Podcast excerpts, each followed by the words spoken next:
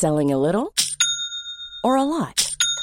Shopify helps you do your thing however you cha-ching. Shopify is the global commerce platform that helps you sell at every stage of your business. From the launch your online shop stage to the first real life store stage, all the way to the did we just hit a million orders stage. Shopify is there to help you grow. Shopify helps you turn browsers into buyers with the internet's best converting checkout.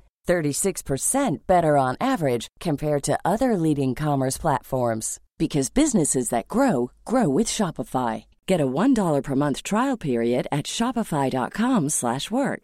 shopify.com/work. When you're ready to pop the question, the last thing you want to do is second guess the ring. At Bluenile.com, you can design a one-of-a-kind ring with the ease and convenience of shopping online. Choose your diamond and setting. When you find the one, you'll get it delivered right to your door. Go to Bluenile.com and use promo code LISTEN to get $50 off your purchase of $500 or more. That's code LISTEN at Bluenile.com for $50 off your purchase. Bluenile.com code LISTEN.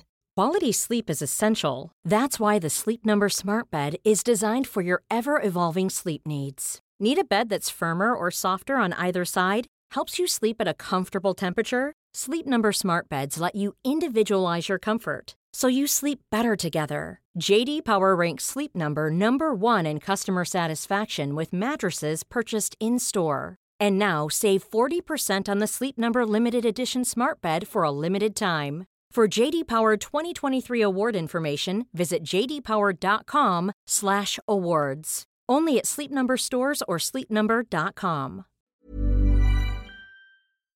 Palmemordet. Den skånska bonden.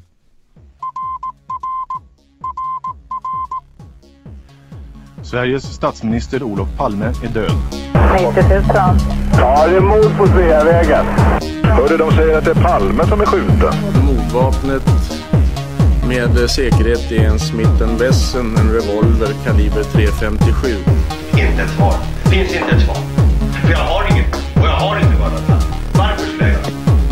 Polisen söker en man i 35 till 40-årsåldern med mörkt hår och lång mörk rock. Välkomna till podden Palmemordet som idag görs av mig, Tobias Henriksson på PRS Media. Sedan dagen startade podden 2016 har vi varje vecka kommit ut med ett nytt avsnitt om just Palmemordet och vi planerar att fortsätta med det så länge intresset finns från er lyssnare. Ni kan som vanligt hjälpa till med att stötta oss genom att gå in på patreon.com palmemordet och skänka en summa som podden får per publicerat avsnitt. Om ni hellre donerar via Swish, kontakta oss i privat meddelande på facebook.com palmemordet för att få numret. Som vi nämnt tidigare har det på senare tid kommit ut en mängd dokument från den numera nedlagda Palmeutredningen. I gruppen Palmemordet, FUP och övriga handlingar pågår ett crowdfundat arbete med att få ut så mycket som möjligt av utredningen. I princip beställer man ut de delar man är intresserad av, betalar en mindre summa för dokumenten och lägger upp dem på sidan. Istället för att du ska betala åtskilliga tusen för dokument hjälps man alltså åt genom att varje person beställer en mindre del dokument och på så sätt betalar mindre. I vissa fall går det också att ansöka om ersättning när du begär ut dokument. Podden Palmemordet står inte bakom själva gruppen, men vi uppmuntrar verkligen initiativet och vill ge det välförtjänt uppmärksamhet så att fler får kännedom om det och också kan hjälpa till att få ut mer av utredningen. Bland de dokument som släppts finns matnyttig information, rena återvändsgränder och en del väldigt märkliga tips. Till den senare kategorin hör ett om en bonde i Skåne som till en bekant sa att Palme skulle mördas före lördag. På fredagen inträffade det som han pratat om. Det här är såklart väldigt intressant, för hur kunde personen veta något om det här? Varför pratade han om mordet och var hade han fått informationen ifrån? Än mer intressant blir det när vi kan konstatera att bondens dotter sällskapade med Viktor Gunnarsson under en tid. Vi ska försöka bringa klarhet i det här spåret och för att få en sammanfattning går vi till den artikel som var införd i Expressen den 6 maj 1988 med rubriken Nytt vittne, Palme ska dö före lördag. Citat. Ingress. En 70-årig bonde i Skåne pratade med en granne. Grannen sa att Olof Palme skulle mördas inom tre dagar. Tre dagar senare dog Palme. Senare har det visat sig att grannens dotter sällskapat med en man som från och till varit misstänkt för mordet. Slut ingress. Bara några veckor innan grannarna träffades var mannen som misstänktes för mordet hemma hos grannen och dottern. Frågan är självklar. Hur kan det komma sig att grannen strax efter besöket går in till 70-åringen och berättar att Palme ska skjutas med en kula som kan tränga igenom skottsäkra västar? Palmeutredarna söker svaret. De fick nys om sambandet mellan grannens dotter och mannen som misstänktes för mordet. De har arbetat på samma arbetsplats i Skåne och ska då ha haft sällskap en tid. Vi har känt till det och försökt titta på vad det är frågan om. Men jag vill inte säga idag om det är mer intressant än något annat så kallat spår, säger Palmeutredningens talesman Ingvar Eriksson. Grannen förnekar att han ens varit inne hos den 70-årige bonden och än mindre att han skulle ha sagt något om ett förestående mord. Det finns heller inga vittnen till samtalet. Ystadspolisen betraktar dock 70-åringen som trovärdig. Hans uppgifter stärks av att en hushållerska bekräftat att 70-åringen berättade för henne om samtalet efter det att grannen gått hem. Någon ljuger alltså. Men vem? Och varför? Mannen som misstänktes för mordet betraktas inte som misstänkt nu, men är heller inte avförd från utredningen. Och där slutar vi alltså citera Expressen från fredagen den 6 maj 1988. Artikeln skriven av Ola Liljedahl. Så långt alltså den grundläggande historien. Lantbrukaren, som i enlighet med vår namnpolicy kommer att kallas Bonden M, ska alltså ha tipsat om mordet innan det ägde rum. Men vad säger han själv om de här uppgifterna? Vi ska ta reda på det, men först en sak om de utlämnade dokumenten. I samband med att dokument begärs ut görs en sekretessprövning och man går igenom vad som eventuellt behöver maskas i dokumenten. Det här har dock visat sig vara ganska godtyckligt och olika handläggare har gjort olika bedömningar om vad som är känsliga uppgifter och inte. Ibland har till synes harmlösa saker strukits, vilket man kunnat kolla genom att jämföra dokument som hanterats av olika handläggare och som därmed har gjort olika bedömningar. Därför är det en del i de kommande förhören som har maskats. Men när vi tror oss veta vad det gäller kommer vi att lägga in det som en kommentar och också säga att det är just våra antaganden. Bonden M förhördes första gången den 26 mars 1986 men som ni såg dröjde det ända till 1988 innan tidningarna skrev om det. Vi kan redan här konstatera att lantbrukaren själv har helt andra uppgifter att komma med än vad tidningarna senare rapporterade. Citat. Protokoll fört vid förhör med M. Förnamn. Personnummer. Förhöret hållet den 26 mars 1986 med början klockan 12.45. Förhörsplats, den hördes bostad. Censur. Förhörsledare kriminalinspektör Bengt Ödmark och kriminalinspektör Ola Eriksson. M upplystes om att anledningen till detta förhör var att undersöka om han samtalat med en person från Östra Ingelstad kort före mordet på Olof Palme och om han under detta samtal fällt yttranden som skulle kunna tolkas så att han känt till eller varit inblandad i brottet. M uppger spontant att det måste vara censur.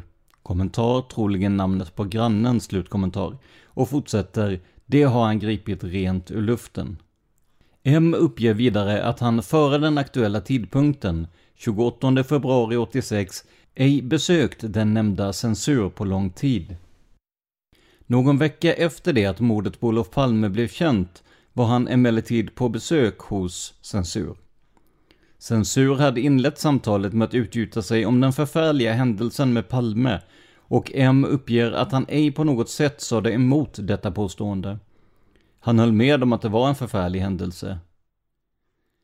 Censur hade blivit allt mer anklagande mot M och påstått att han skulle sagt någonting före tidpunkten för mordet som skulle kunna tyda på att han var inblandad på något sätt.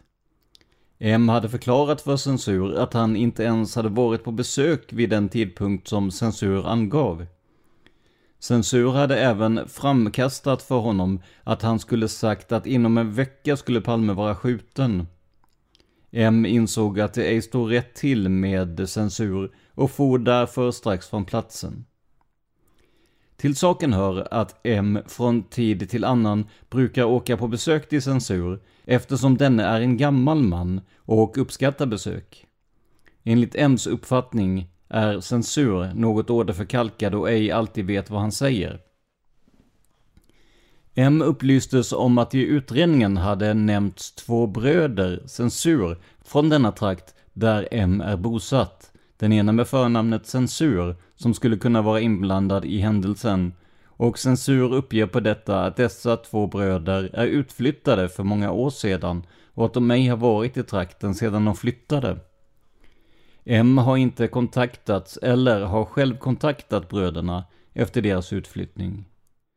Vad M kan förstå måste det röra sig om fem ord censurerade och det är säkert tio år sedan de flyttade.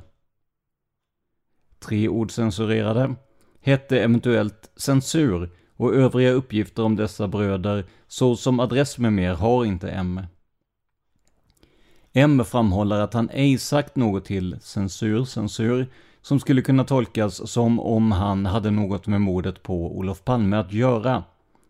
Saken är helt befängd. Censur har hittat på alltsammans. M framhåller vidare att han inte alls är politiskt intresserad. Huruvida censur sympatiserar med Socialdemokraterna eller ej känner inte M till, ty de pratar ej politik med varandra. M blev rent häpen när censur attackerade honom på detta sätt och framkastade dessa beskyllningar. Detta var det värsta M hade varit med om i hela sitt liv. På förnyad fråga om M närmare kan precisera den tidpunkt före mordet på Olof Palme han var på besök hos censur, säger han att det kan ha varit i februari 86, men att det ej var så sent som den 25. M upplystes om att även censur censur för polisen uppgivit att det skulle ha varit den 25 februari som censur hade nämnda besök. Men M vidhåller trots detta sina uppgifter om besöket i fråga. M har bott på trakten sedan 60-talet och från denna tidpunkt har han även känt censur. På fråga uppger M att han fredagen den 28 februari, det vill säga dagen för mordet på Olof Palme, tre rader censurerade. Förhöret slut klockan 13.35. Censur som ovan Bengt Ödmark, kriminalinspektör. Slutcitat ur protokollet. Som ni ser förnekar bonden all kännedom om den här händelsen och säger att det är taget ur luften. Det innebär i så fall att personen som sa sig fått uppgifterna ljuger. Vem är trovärdig och går att lita på i det här fallet? Det är såklart nästintill omöjligt att säga. Som ni hörde från de här dokumenten är namnet på grannen som fick uppgifterna censurerat. Alltså har vi inte kunnat ta del av hans initiala uppgifter till polisen. Något märkligare är att bondens alibi för den 28 februari 1986 helt har censurerats. Men polisen ger sig i alla fall inte med det här första förhöret. Istället kallar man in bonden M igen Och då handlar förhöret mer om en person vars namn är maskat, men som utifrån sammanhanget bör vara Viktor Gunnarsson. Citat. Förhör med förnamn M. Personnummer. Förhöret hållet i M's bostad, censur. Förhörsledare kriminalinspektör Ola Eriksson Boja och Torsten Stålnacke. Ja, han heter faktiskt Boja i efternamn. Ganska intressant med tanke på att man förknippar handbojor med polis. Nåväl, åter till protokollet. Förhöret är en uppföljning av D2384. Och det var alltså det som vi läste nyss. M berättar att han under tiden januari till februari 1986 sammanträffat med censur, kommentar, troligen Viktor Gunnarssons slutkommentar, vid endast ett par tillfällen. Han tillfrågades om de två vid något tidigare tillfälle under åren samtalat om politik. Efter eftertanke erinrar sig M ett tillfälle för cirka tio år sedan då han och censur strax bakom censur. Censur hade då varit intresserad och stått och tittat på deras arbete. Han hade under hela tiden pratat om socialdemokratiska regeringen och sagt att Palme och Socialdemokraterna gjorde mycket bra för Sverige. M och hans hustru hade inte svarat särskilt mycket på censurs påstående. De hade varit upptagna av sitt arbete. Censur hade då direkt sagt till Mårtensson Du måste väl vara glad åt sosseregeringen som har så många barn och därför får så mycket barnbidrag.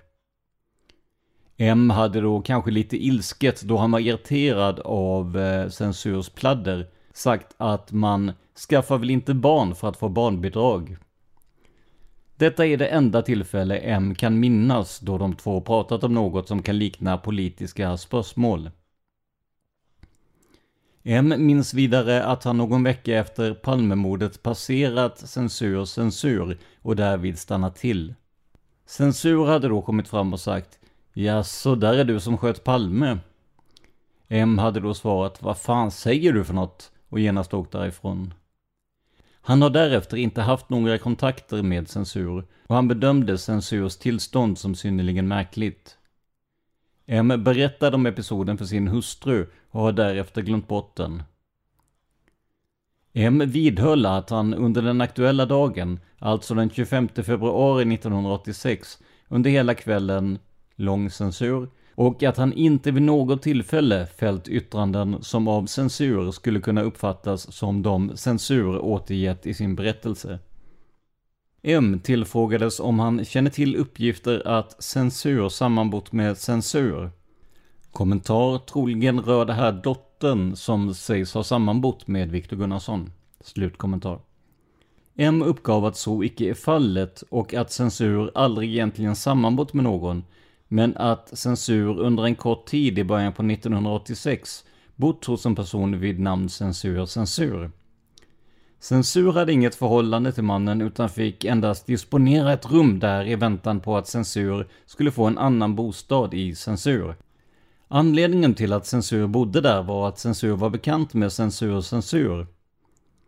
M berättar vidare att censur på senare tid tagit mycket illa vid sig av tidningsskriverier och radioprogram som berört censur och det påstådda förhållandet med censur och att censur numera vårdas på mentalsjukhus och i vart fall för stunden inte kan nås för förhör. M uppgav om sig själv att han inte är politiskt engagerad och att han aldrig varit med i något parti eller organisation. Han har inga vapenlicenser eller vapen överhuvudtaget och lever i stort sett sitt liv på sin gård där han följer års och skördetiderna. Angående sina bilinnehav uppgav M att han under 1985 och de första månaderna under 1986 hade en censur, dieselmotor, och att han den 12 eller 13 februari 1986 bytt bilen mot en ny censur. Bilbytet hade skett hos censur och gått till så att en försäljare kom hem till M den 12 eller 13 februari och då levererade den nya censur samtidigt som han hämtade den censur vilket han tog med sig till bilfirman i censur. Enligt M är det helt uteslutet följaktligen att censur skulle kunna se honom i den censur så sent som den 25 februari 1986. Kommentar alltså att grannen skulle ha sett honom i den bil av okänt märke så sent som 25 februari 1986. Slutkommentar. Under förhöret överlämnar M kopior på fordonshandlingar till styrkande av sina uppgifter. Han uppgav vidare att han inte vid något tillfälle efter denna affärs avslutande disponerat den censur. M tillfrågas vidare om han vid något tillfälle sålt höns till censur. Han erinrar sig då att han sålt ett antal värphöns till censur samma dag som hans lång censur.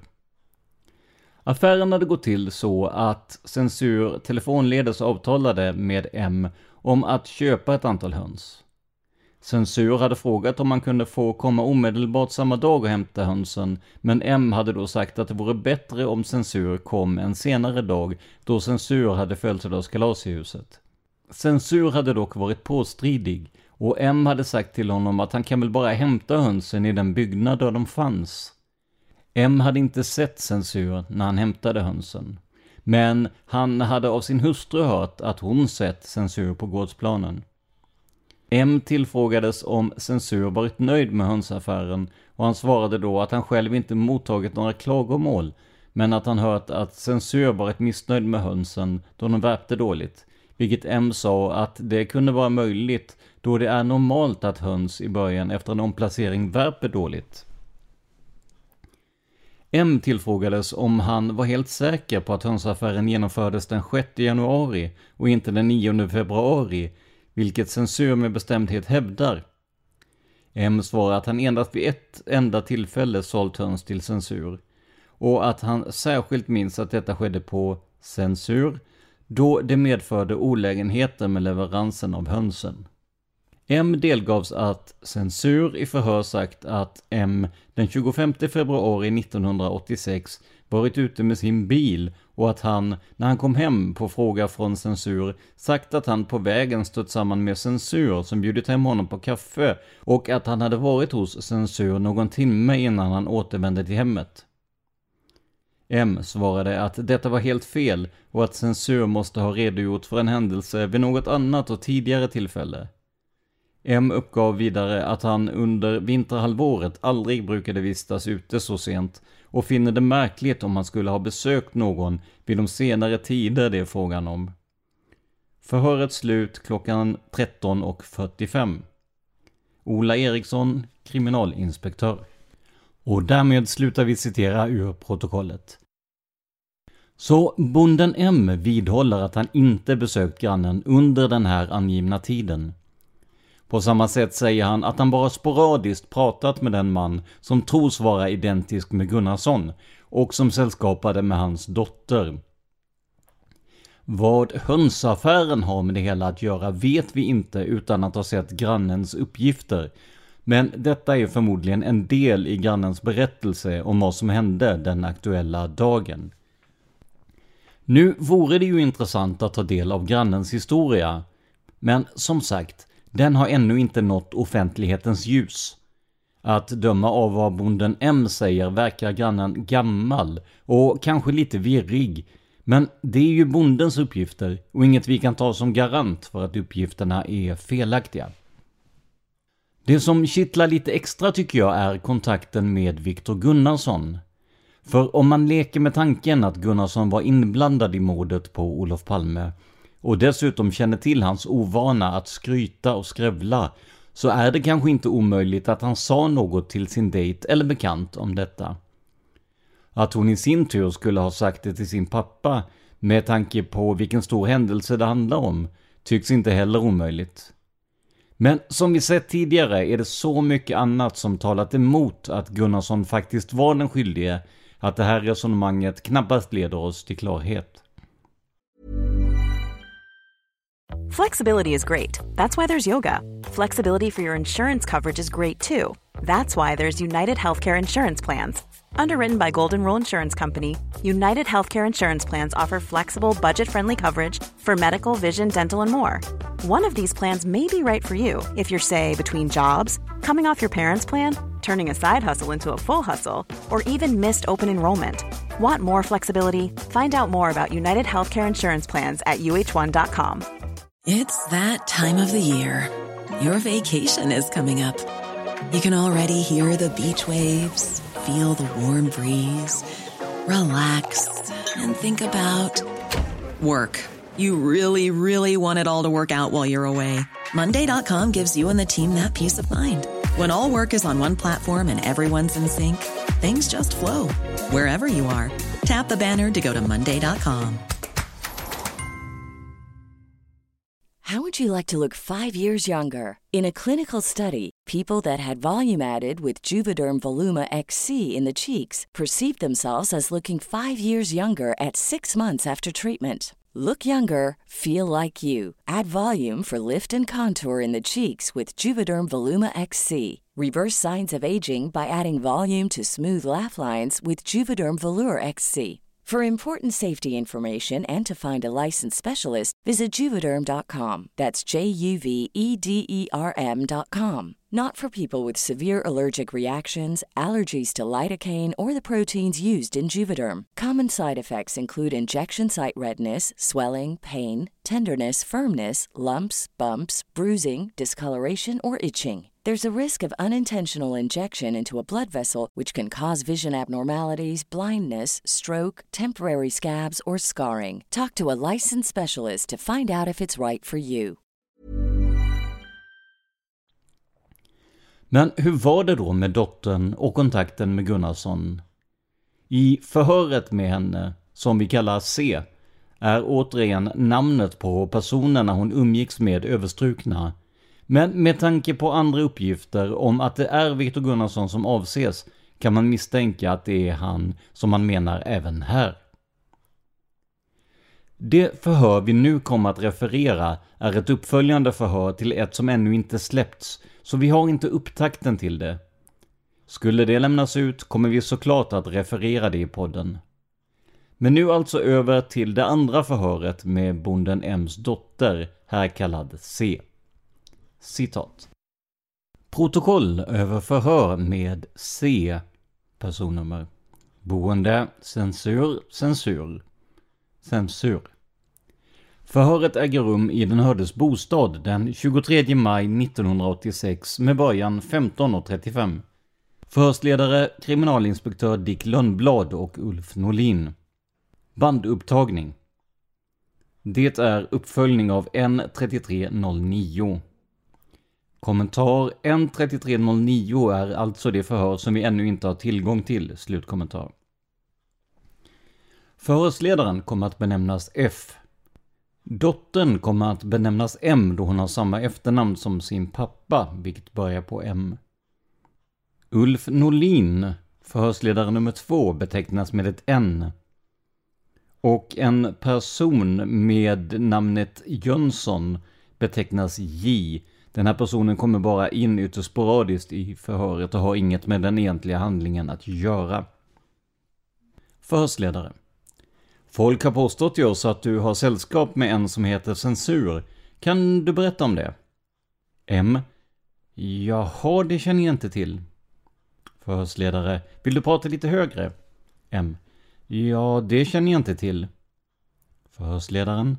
Du sällskapar inte med någon som heter Censur? M. Nej. Förhörsledare. Känner du någon som heter Censur? M. Ja, nu eh, denna här jag bor hos. Förhörsledare. Ja, som heter Censur. M. Ja. Förhörsledare. Vad har han för yrke? M.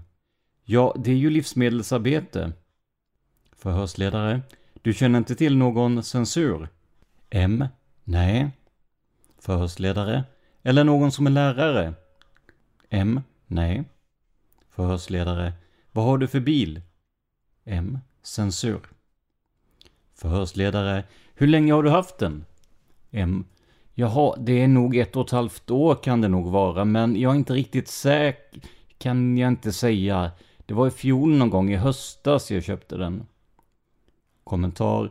I protokollet ska det förmodligen stå ett eller ett och ett halvt år, men det ser istället ut som det står 11. Men med tanke på att det var i fjol någon gång som hon köpte den, så måste det röra sig om ett år. Slutkommentar. Förhörsledaren. Vad hade du för bil innan dess? M. Censur. Förhörsledaren. Kommer du ihåg bilnumret? M. På censur. Förhörsledare. Ja. M. Det var censur. Förhörsledare. Vad var det för färg? M. Censur. Förhörsledare. En censur. Vet du om eh, du var i ditt föräldrahem den 9 februari en söndag? M. Nej, det tror jag inte jag var. Förhörsledare. Det tror du inte du var. M. Nej, ja det kan jag gå och se. Förhörsledare. Eh, vi stannar bandaren medan M kontrollerar uppgiften. Avbrott inspelningen. Förhörsledare. Ja, vi slår på bandaren efter några ögonblick. Vad gav kontrollen? Du skulle se om du hade varit där. M. Jaha, eh, nej, jag höll på, ohörbart, skriva en liten fickalmanacka, men där var inget, jag har inte skrivit något. Nej, jag tror inte jag var hemma den dagen. Förhörsledare. Har du varit och köpt ägg hos någon gammal man, en rund man i censur? M. Ja, det har jag. Jag var där en gång. Det var... Det var nog i fjol. Förhörsledare. Vem var den mannen? Vet du vad han heter? M. Jaha, jag kan inte säga. Jag kommer inte ihåg namnet, men jag vet vem det är. Förhörsledare. Kan du beskriva honom? M. Ja, han är ju liten och kraftig. Förhörsledare. Vad menar du med kraftig? Är han eh, muskulös? M. Nej, rätt mullig eller vad man ska kalla det. Förhörsledare. Jaha. M. Ja. Förhörsledare. Du visar med armen som en stor mage. M. Ja. Förhörsledare. Är det M. Ja, han är mullig. Det kan man väl säga då. Förhörsledare. Jaha, var det ett år sedan du var där och köpte ägg? M. Ja, det var i fjol. I, i slutet av juni månad tror jag det var. Jag fyllde år närmare juli och så skulle jag baka då, ohörbart. Så köpte jag ju ägg då. Förhörsledare. Vad pratade ni om? M. Jaha, det kommer jag inte ihåg. Det var väl lite om väder och sånt. Ja, jag kommer inte ihåg det. Det brukar man ju komma in på så bara för att man ska komma igång och prata. Ja, jag kommer inte ihåg det. Förhörsledare. Kommer du ihåg hur mycket ägg du köpte? M. Jag vet inte om det var ett fack ägg. Orabot. Nej, det var ett fack tror jag. Ja. Förhörsledare. Vad gav du för det? Kommer du ihåg det? M. Nej, det kommer jag inte ihåg. Förhörsledare. Vet du om du betalade med jämna pengar eller om han växlade? M. Jag tror det var jämna pengar. Ja, jag är inte säker på det, men... Förhörsledare. Du kunde inte komma ihåg vad ni pratade om? M. Nej, nej det gör jag inte.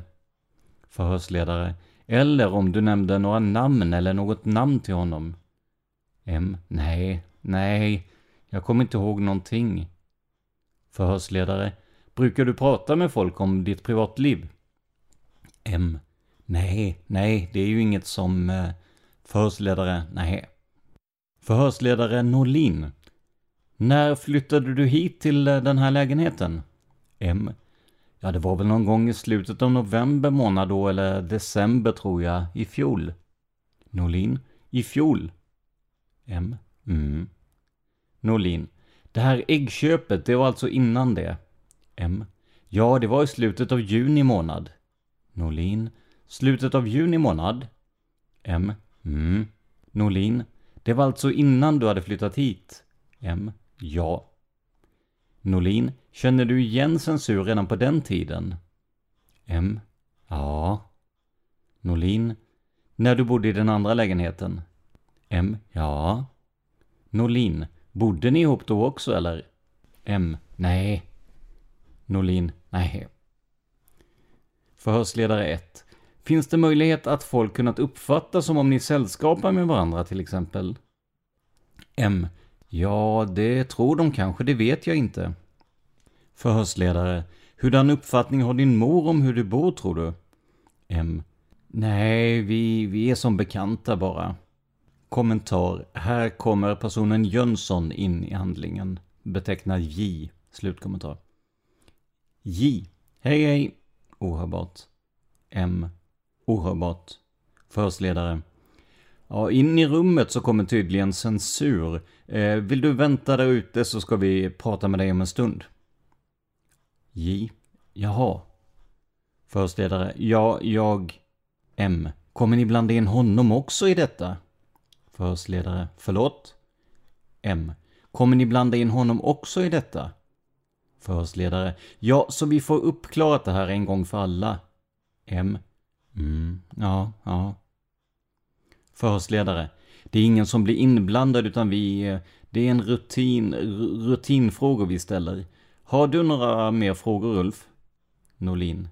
Du har inte varit där senare och köpt några ägg? M. Nej. Norlin. Det har du inte gjort? M. Nej. Norlin. Vem... Eh, känner du till honom att han sålde ägg där så att du åkte dit till honom? Eller hur tog du kontakt med honom angående det här med äggköpet? M. Det var mor och far.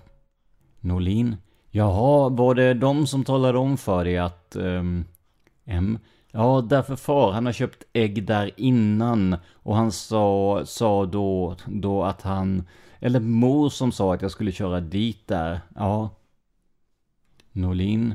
Och det var då före din födelsedag förra året. M. Mm, men... Kommentar utelämnad text verkar dock ej censurerat. Slutkommentar. Födelsedag. Norlin. Du pratade inte med honom någonting om censur då? M. Nej, det gjorde jag inte. Norlin. När lärde du känna censur? M. Ja, det var ju att jag jobbade på uh, här nere. Det var ju en kycklingfabrik som låg här nere ju. Och så jobbade hans fjällar där och så blev jag bekant med henne. Och så blev jag bekant med henne. Och så bjöd hon upp mig här. Och sen blev det slut mellan de eh, två och sen fortsatte censur och jag liksom och pratade ohörbart. När jag bodde där nere så kom han här och pratade och sånt och jag gick in här och pratade med honom men vi har ingenting med varandra för vi är bara bekanta. Ohörbart. Norlin, har du bott ohörbart? Sa du? M. Ja, en kycklingfabrik som låg där uppe i... Norlin. Jaha, och den heter ohörbart? M. Kyckling. Ohörbart. Norlin. Jaha, en kycklingfabrik. Jaha. Förhörsledare 1. Då frågar jag några andra saker. Eh, brukar du vara här runt om jämt eller är du ute på semester eller reser i Sverige? M. Nej, det gör jag. Ohörbart. Precis. Jag brukar vara här runt om. Förhörsledare. Ja, vad gör du på din semester till exempel? M. Jag har nästan ingen semester för jag jobbar hela tiden för att det är, det är mest beredskapsjobb och sånt. Jag går på, eller säsongsjobb och det, och så får man jobb. Och sen stämplar jag resten av tiden så det blir inte någon semester precis. Förhörsledare. Nej, du känner ingen som heter censur? M. Nej, censur? Nej. Förhörsledare. Du har aldrig hört talas om något sådant? M. Nej. Förhörsledare. Ingen som heter censur? M. Nej. Nej. Förhörsledare. Känner du någon som heter censur? M. Nej. Förhörsledare. Eller censur? M. Nej. Nej. Förhörsledare. Har du något mer? Norlin. Nej. Då avslutar vi förhöret klockan 15.48. Dick Lönnblad, kriminalinspektör. Ulf Norlin, kriminalinspektör. Och därmed slutar vi citera från det här förhöret. Som ni ser gör strykningarna i protokollen det svårt att veta vilken person som avses. Speciellt mot slutet när förhörsledarna testar ett antal namn för att se om hon känner igen dem. Men i korthet har dottern väldigt lite att säga om situationen som sådan och bringar ingen egentlig klarhet i det som hänt. Så här långt är alltså den här historien en obekräftad soppa av strykningar, rykten, misstänkta och höns. I min iver att försöka få någon som helst ordning på uppslaget tittade jag även på förhöret med en av de andra döttrarna, som vi kan kalla H. Tyvärr verkar det inte leda någon vidare stans annat än att fadern är borgerlig rent politiskt. Det behöver ju dock inte betyda att man har Palme som hatfigur ens på den här tiden. För att göra bilden så fullständig som möjligt för er kommer vi även att ta med det här protokollet som är avsevärt kortare i omfattning. Citat. Förhörsledare kriminalinspektör Eve Persson. Förhörsplats tjänstebil. 1986-04-18-13-30 Hörd person H. Personnummer. Utredning angående vissa uttalanden som hennes fader M skulle ha fällt i samband med mordet på Olof Palme. H är dotter till herr och fru M. Kommentar utskrivet med namn i protokollet, slutkommentar. Hon har bott censur. H uppgav att, vad hon vet, så har hennes far en borgerlig politisk uppfattning. Hon är själv inte intresserad av politik och hemma diskuterar man inte politik. Hon har aldrig hört att hennes far fällt några hårda omdömen om Olof Palme. Fredagen den 28 februari 1986 kom H hem till föräldrahemmet i censur vid 18-tiden. Kommentar, här har det strukits tre rader. Slutkommentar. Hon fick själv huvudvärk under kvällen och gick till sängs vid 19.30-tiden. Hon somnade sedan och steg upp på morgonen efter vid 06.00-tiden. Hon brukar gå upp så tidigt. Hon åkte till ett annat lantbruk där hon skötte utfodringen av en besättning djur. Hon återvände hem vid 08.00-tiden och då fick hon på radion höra att statsminister Olof Palme hade mördats under kvällen innan. Hon hämtade också tidningen och fick då också läsa att mordet hade inträffat. Vid 08.30-tiden kom hennes föräldrar, makarna M, in efter att ha varit ute och skött djuren på lantbruket där hemma. Då fick de också vetskap om mordet på Olof Palme. Hon minns att hennes far inte först trodde på upplysningen om att statsministern hade mördats.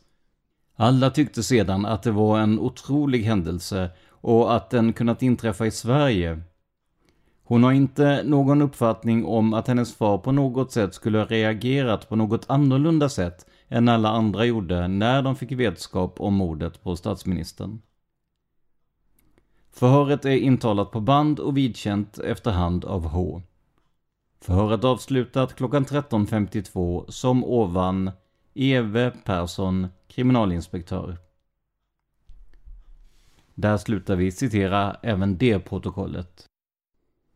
Så det här är alltså vad vi hittills kommit fram till om den skånske bonden M. Han ska ha sagt till sin granne att Palme skulle bli mördad innan lördagen. Och så skedde också. Men hur visste han det? Eller var det bara ett utslag av ett makabert skämtlynne? Hade han hört något av folk i sin närhet som tydde på att det skulle bli så? Vad spelade Viktor Gunnarsson för roll i familjen M, om någon? Vi som trodde att fler svar skulle dyka upp med de nya dokumenten får i det här fallet se oss besegrade. För här skapas fler frågor än svar. Men med det sagt har vi i alla fall försökt att så mycket vi bara kan titta närmare på ett av de mer mystiska spåren i Palmeutredningen. Vad tycker ni om det här avsnittet och om spåret Bonden M? Vem ljuger och vem talar sanning? Skriv gärna er åsikt på facebook.com palmemordet. Om ni vill stötta podden ekonomiskt så gå gärna in på patreon.com palmemordet och donera en summa som podden får per publicerat avsnitt. Länken finns också i avsnittsbeskrivningen. Det här var veckans avsnitt av podden Palmemordet som idag gjordes av mig, Tobias Henriksson på PRS Media. För mer information om mig och mina projekt besök facebook.com prsmedia.se eller gilla oss på Instagram där vi heter prsmedia, ett ord, små bokstäver. Som vanligt vill vi rikta ett stort tack till alla som sponsrar oss på Patreon. Och jag vill också tacka alla som har begärt ut dokument och på det sättet underlättat arbetet för såväl oss som privatpersoner. Tack också till Dan som startade podden som numera överlevt i över fyra år och som fortfarande går som tåget. Men allt det här vore ingenting om det inte vore för er som lyssnar. Så som vanligt vill jag framförallt tacka dig för att du lyssnar på podden Palmemordet. Man hittar Palmes mördare om man följer PKK-spåret till botten. Därför att ända sedan Julius Caesars tid har det aldrig hört talas om ett mord på en framstående politiker som inte haft politiska skäl. Polisens och åklagarens teori var att han ensam hade skjutit Olof Palme. Och det ledde också till rättegång. Men han frikändes i hovrätten.